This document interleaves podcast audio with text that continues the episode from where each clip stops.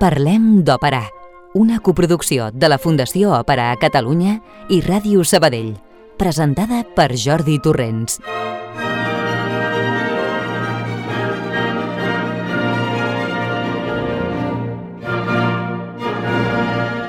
Bona nit tingueu. Avui arribem ja al final dels programes d'aquest any 2022, per bé que encara falten dos dies per acabar-lo. Un any més, doncs, hi van caient l'un darrere l'altre. A principis de mes celebràvem haver arribat als 500 programes i passada la marca, avui ja fem els 504. I cada setmana un més, i un més, i un més, sempre endavant. I ara mateix, impacients ja per fer el salt al 2023. Esperem acabar aquest any al vostre gust i que el programa us agradi. Roger Benet, el control de so i qui us parla, Jordi Torrents, us donem una cordial benvinguda.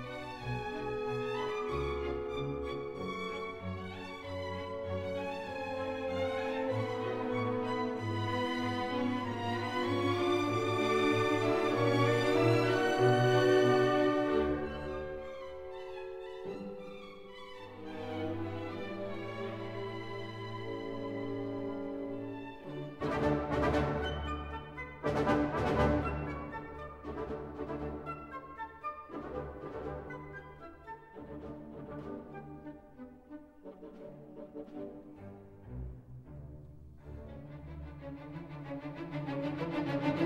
you.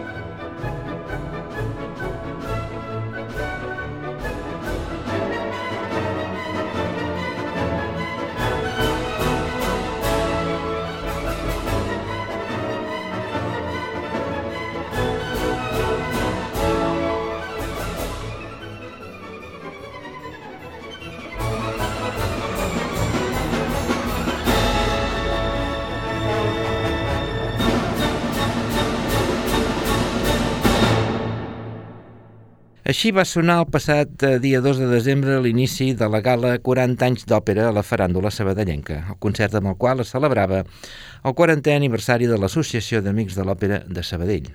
Aviat es diu, 40 anys d'activitat ininterrompuda des del 1982.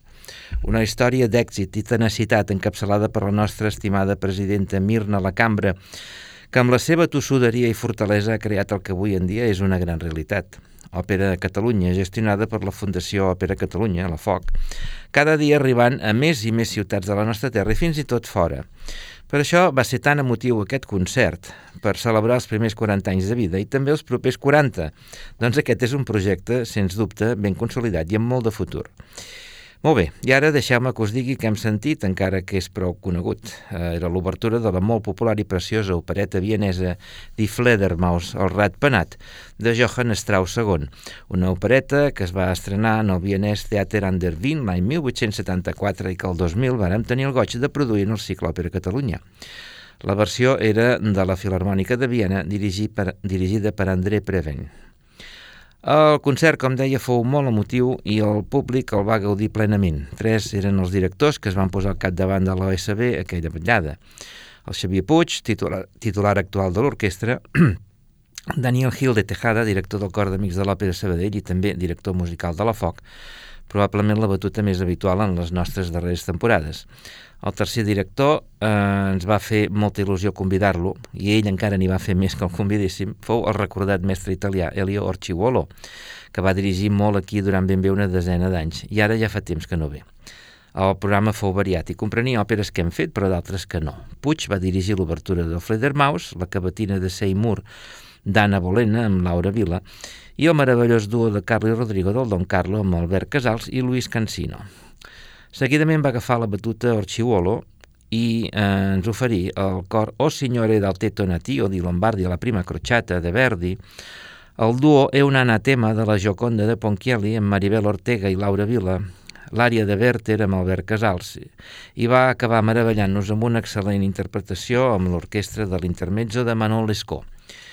Va acabar dirigint eh, Gil de Tejada amb el cor introductori de Levilli de Puccini, l'àrea Eco Lorrido Campo d'un ballo i màscara amb la soprano Maribel Ortega, la meravellosa àrea Nemico de la Pàtria d'Andrea Chenier d'Umberto Giordano, que va cantar un entregat Luis Cancino, acabant amb el finale de Guglielmo Tell de Rossini amb els quatre solistes i el cor, Tutto Canja i el Ciel Sabella. Un final molt inspirat que sentim tot seguit amb Cheryl Milnes, Guglielmo, Luciano Pavarotti, Arnoldo, Della Jones, Jamie i Elizabeth Connell Edwish. El cor Ambrosian Opera i la National Philharmonic Orchestra, tots sota la batuta de Ricardo Shairi.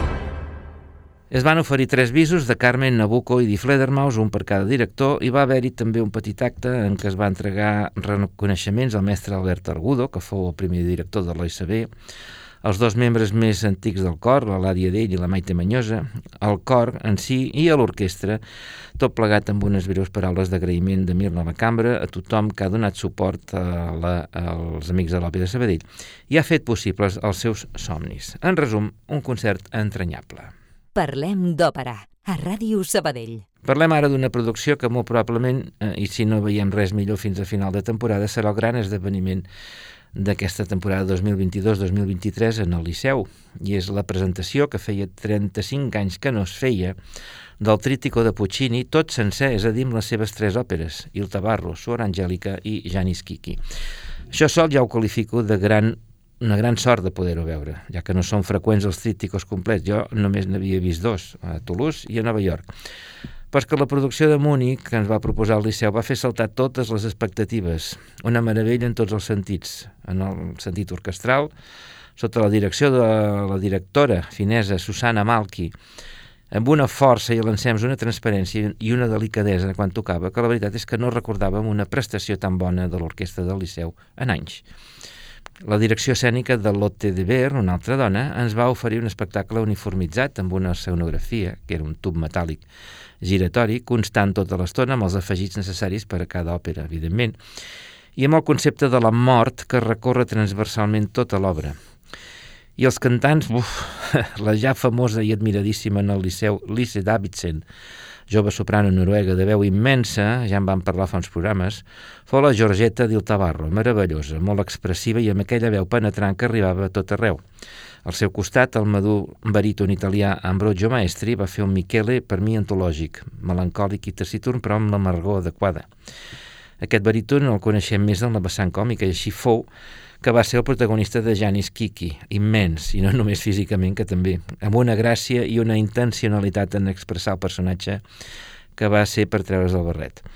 El tenor americà Brandon Jovanovic no va agradar com a Luigi el Tabarro amb l'agut marmat i cridaner com si li costés d'entrar de plena al personatge. Però sentim ara un fragment d'Il Tabarro. Doncs vinga, serà el monòleg de Michele Nulla Silenzio amb Joan Pons i l'Orquestra del Maggio Musicale Fiorentino dirigida per Bruno Bartoletti.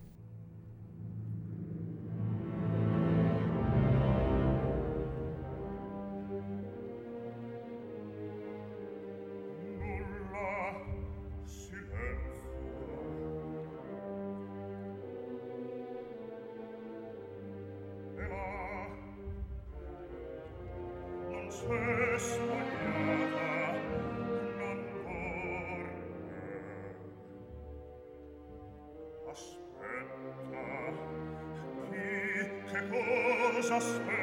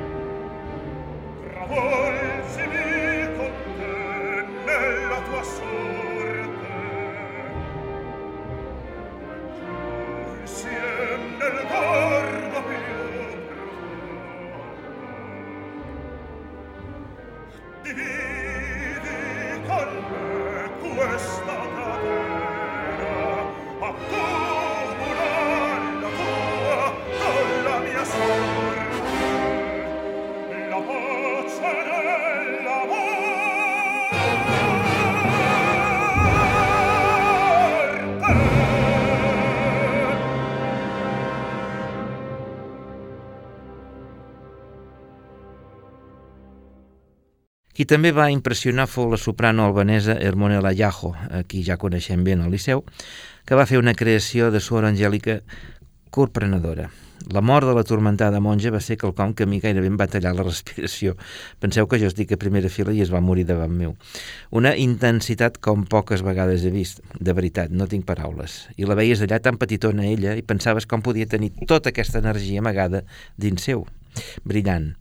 Una altra triomfadora de la nit fou l'experimentada mezzosoprano italiana Daniela Barcellona, en un doble paper, la Zia Principessa, Sora Angèlica, i Zita eh, Janis Kiki. Per un cantó, la dona freda i imperturbable, i la, per altra, la vella vinagrada, però còmica més no poder.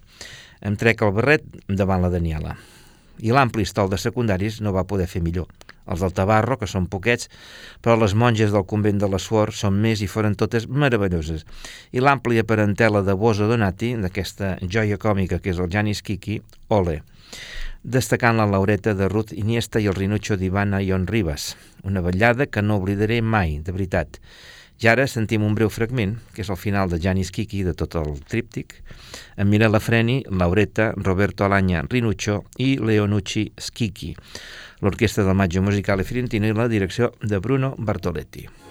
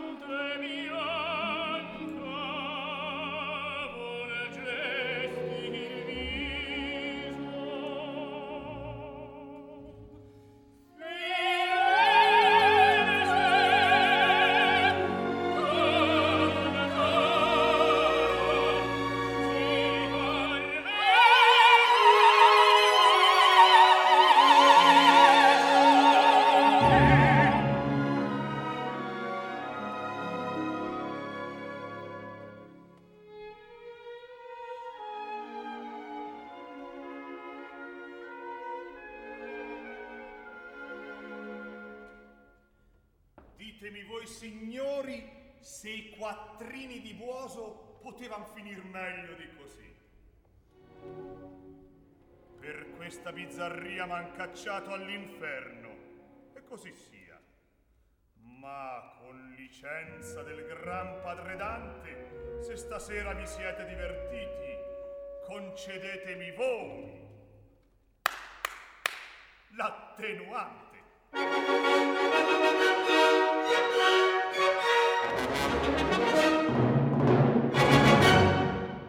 I així va acabar aquest trítico amb Esquiqui demanant l'aplaudiment del públic envoltat de tots els personatges de les tres òperes.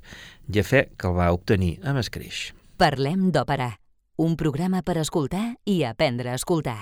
Bé, com sabeu, a mi m'agrada de tant en tant, si la butxaca ho permet, anar a veure òperes fora, per la senzilla raó que sento curiositat per ampliar el repertori.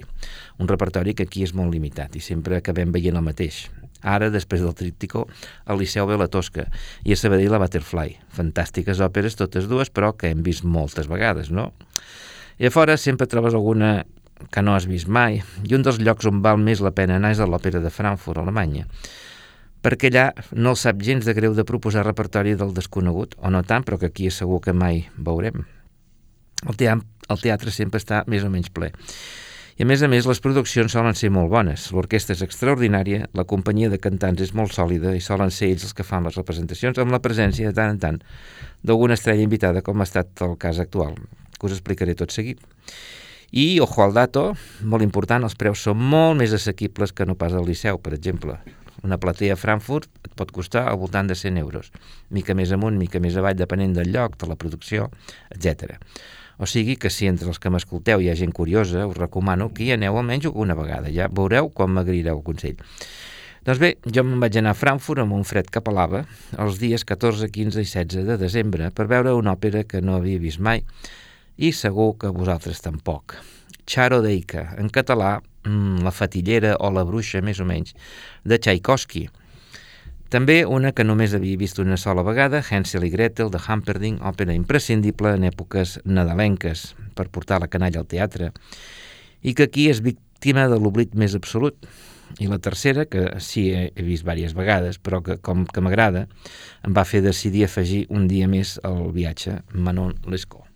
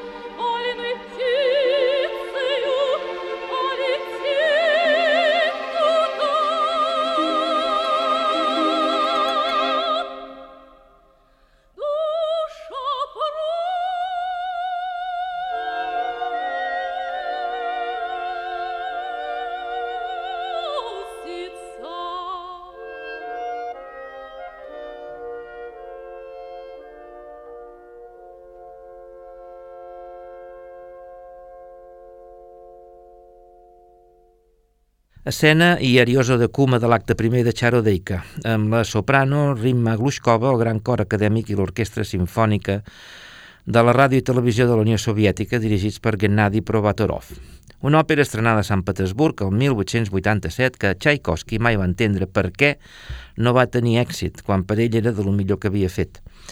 A Frankfurt, Charodeika va ser un gran èxit, aquí sí, amb un gran quartet protagonista en el que va sobresortir per damunt de tot la soprano Asmik Grigorian, soprano lituana nascuda a Vilnius el 1981, filla del difunt tenor armeni Gegam Grigorian i de la soprano lituana Irena Mikivichute. La Grigorian va sobrar a tota mena de qualitats i té la rara virtut d'emocionar amb el seu cant. Aquesta òpera mai l'havia vist representada, més la conec per CD, i és molt intensa i profundament dramàtica amb aquella música suntuosa tant de Tchaikovsky que crea una atmosfera màgica al teu voltant. Gran prestació tant del cor com també de l'orquestra i de tot el gran estol de secundaris format bàsicament per membres de la molt sòlida companyia de l'Òpera de Frankfurt.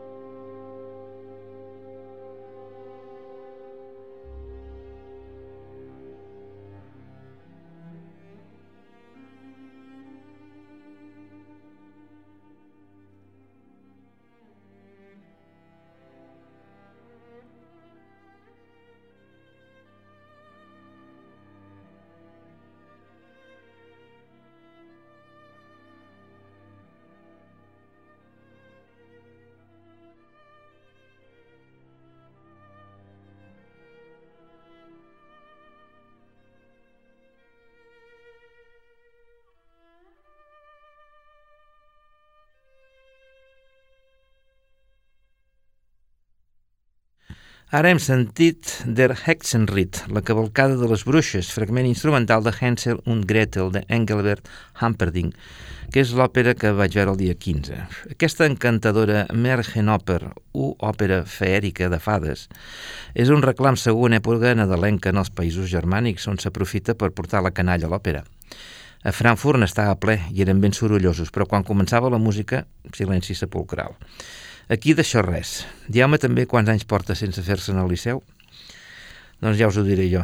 Des de febrer de 1976, o sigui que aviat farà 47 anys. Em sembla que no hi ha dret una òpera com aquesta, 47 anys absent del Liceu. La producció de Frankfurt és del 2014 i és bonica i molt acolorida, incloent estones de teatre de guinyol. Els cantants eren tots de la companyia i van demostrar la seva experiència sòlida i el seu savoir-faire. Alguns havien actuat el dia abans a Charodeika i repetien a Hansel i Gretel. La música de Humperdinck, d'arrels wagnerianes, però a la seva manera, és preciosa i transparent, sumament adequada per la història que explica. Un conte dels germans Grimm, ja ho sabeu. Per cert, que bona que és l'orquestra de l'Òpera de Frankfurt, eh? I que bé que ho va fet sota la batuta d'un jove i no massa experimentat, però sí ben ensinistrat director japonès, de nom Takeshi Moriuchi, que va recollir un gran èxit compartit amb tot l'equip. En resum, que fou un plaer tornar a sentir, i era la meva segona vegada, aquesta òpera tan bonica com infreqüent en les nostres terres.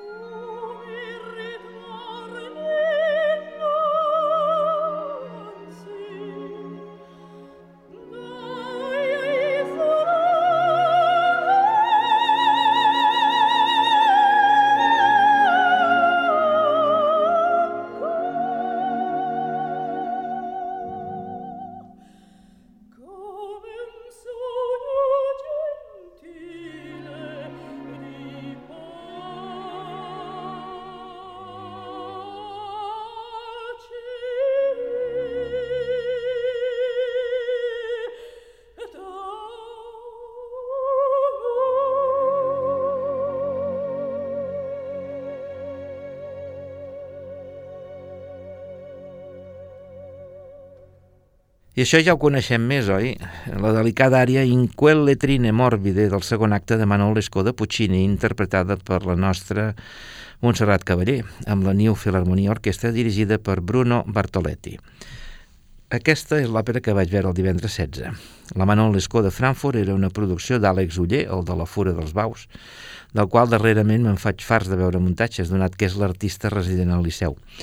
I en aquest cas era de rabiosa actualitat que li feia perdre tot el glamour a Manon i la seva època originària, però la veritat és que em va agradar molt perquè feia ressaltar perfectament els aspectes més espinosos que ens narra aquesta òpera, bàsicament la manipulació d'una dona per part d'homes sense escrúpols i l'hostilitat de la societat envers ella.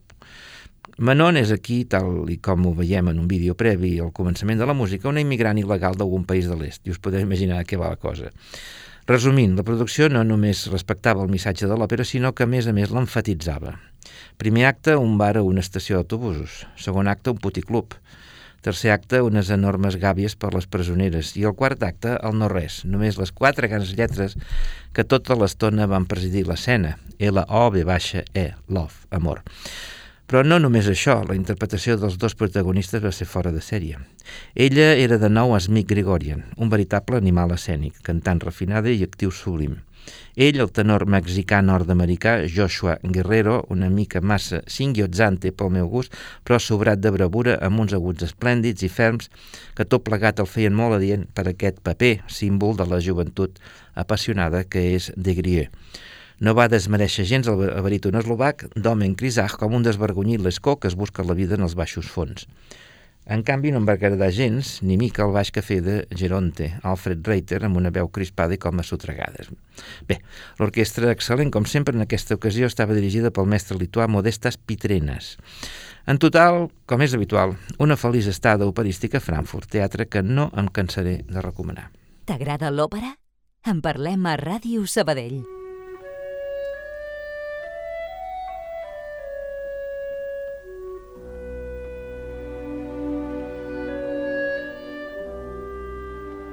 I avui tocarà parlar dels darrers personatges del mes d'aquest any 2022, els nascuts un mes de desembre.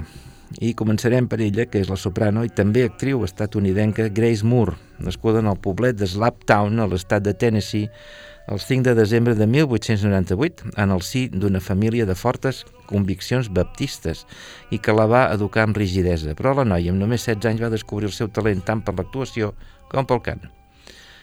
Uh, va iniciar estudis de teoria musical a Nashville, la capital de l'estat, i amb 17 anyets ja participava en alguns recitals i va passar a Washington i després a Nova York per continuar el seu ensinistrament musical. Va començar uh, cantant en cafès a Nova York i el 1920 va aparèixer per primera vegada en un musical de Broadway. Va perfeccionar estudis a França i en tornava debutant al Met el 7 de febrer de 1928, cantant Mimi a la Bohème. Al setembre del mateix any debuta amb el mateix rol a l'Òpera Comique de París. El mateix rol el va cantar eh, eh, Covent Garden el 1935. En el Met hi va actuar durant 16 temporades, amb òperes italianes i franceses, sent considerada la seva millor creació el personatge de Louise de l'òpera homònima de Gustave Charpentier. Després va dur a terme activitats de suport, cantant també per les forces aliades durant la Segona Guerra Mundial. Igualment, la seva activitat a Hollywood fou important i li donà tanta popularitat com la seva labor operística. Va estar casada amb l'actor espanyol Valentín Parera, però no van tenir descendència. Grace Moore va tenir un final molt desgraciat, en morir el 26 de gener de 1947, eh, en un accident aeri a Copenhagen. El mateix accident el que va morir el príncep hereu de Suècia, Gustau Adolf, pare de l'actual rei d'aquell país. I ara us proposo de sentir Grace Moore cantant l'àrea Il est doux, il est bon, de l'Herodiade de Massenet, personatge de Salomé, amb la Victor Symphony Orquestra dirigida per Wilfred Pelletier.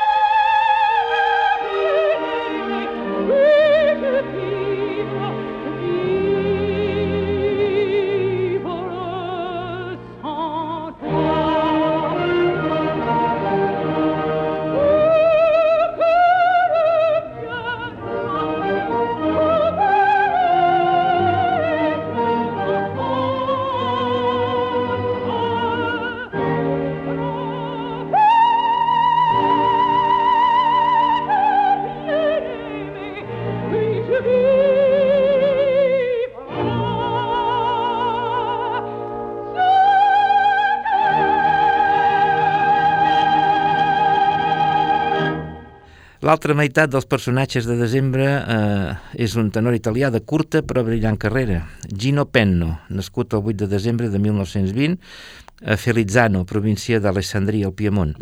Va estudiar a Màntua amb Ettore Campo Galliani i després de només dos anys, el 1946, guanyava el concurs de l'escala per accedir a l'escola d'aquest teatre, on va rebre els consells d'un gran com fou Aureliano Pertile. Ja va debutar el 1947 en rols comprimaris, però ben aviat va saltar els importants quan el 1949 és contractat a la Fenice per interpretar el rol d'Algua a la Lulú de Berg i el 1950 la mateixa escala interpreta Tosca i la Lodoisca de Cherubini. El 1951 debuta el San Carlo Napolità i a l'Òpera de París. Els anys 1952 i 1953 torna a l'escala on canta al costat de la Calas, a Macbeth, Norma i el Trovatori Medea afermant-se com a intèrpret de primer nivell, si bé no pas un divo. La seva última actuació al teatre milanès fou el 1956 amb Boris Godunov. La seva carrera avançava amb seguretat en els principals teatres italians, però també va començar a obrir-se eh, una carrera internacional a Covent Garden, a Rio de Janeiro, al Met, on va cantar entre el 1953 i el 1955, sobretot els grans papers verdians. El 1956, però, en el teatre novaiorquès va perdre la veu en plena representació del Trovatore, acabant la funció amb prou feines. Aquest incident va posar fi a la seva carrera als grans teatres i des d'aleshores va cantar en teatres de províncies d'Itàlia durant una mica més de temps fins que el 1958 es va retirar definitivament després d'una curta carrera d'uns 10 anys i en només 37 d'edat per aquests problemes vocals i de salut mai aclarits del tot. Al Liceu hi va cantar tres funcions de la Forza del Destino el novembre de 1954. Gino Penno va morir a Milà el 8 de febrer de 1998 als 77 anys d'edat.